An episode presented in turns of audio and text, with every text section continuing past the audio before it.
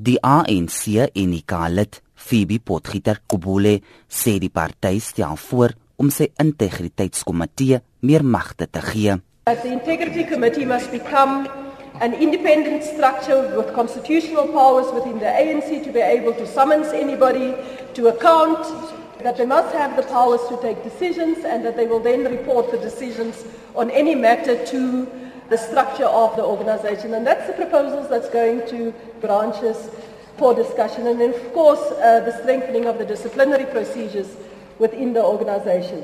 Potgieter Kobule sê die ANC oorweeg dit om die struktuur van sy nasionale uitvoerende komitee en die ses voorste amptenare te verander. That we should have two deputy presidents with specific responsibilities, one looking at international relations, the other one looking at monitoring of business of governance and the implementation of AMC policies.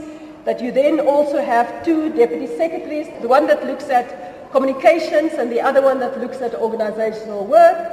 The second option that's put forward is that we should only have a second deputy secretary general with the task of one focusing on organizational work and the other one focusing on monitoring and evaluation.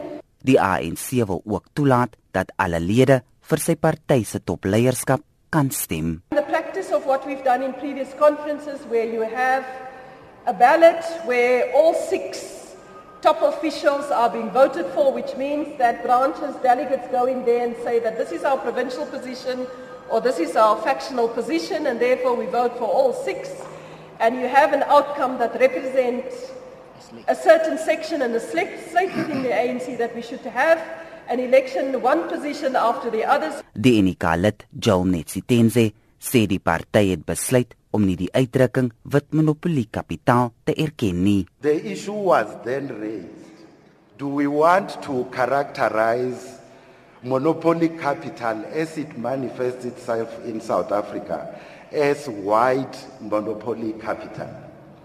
And nine out of those 11 commissions said the phenomenon of monopoly capital is a global one.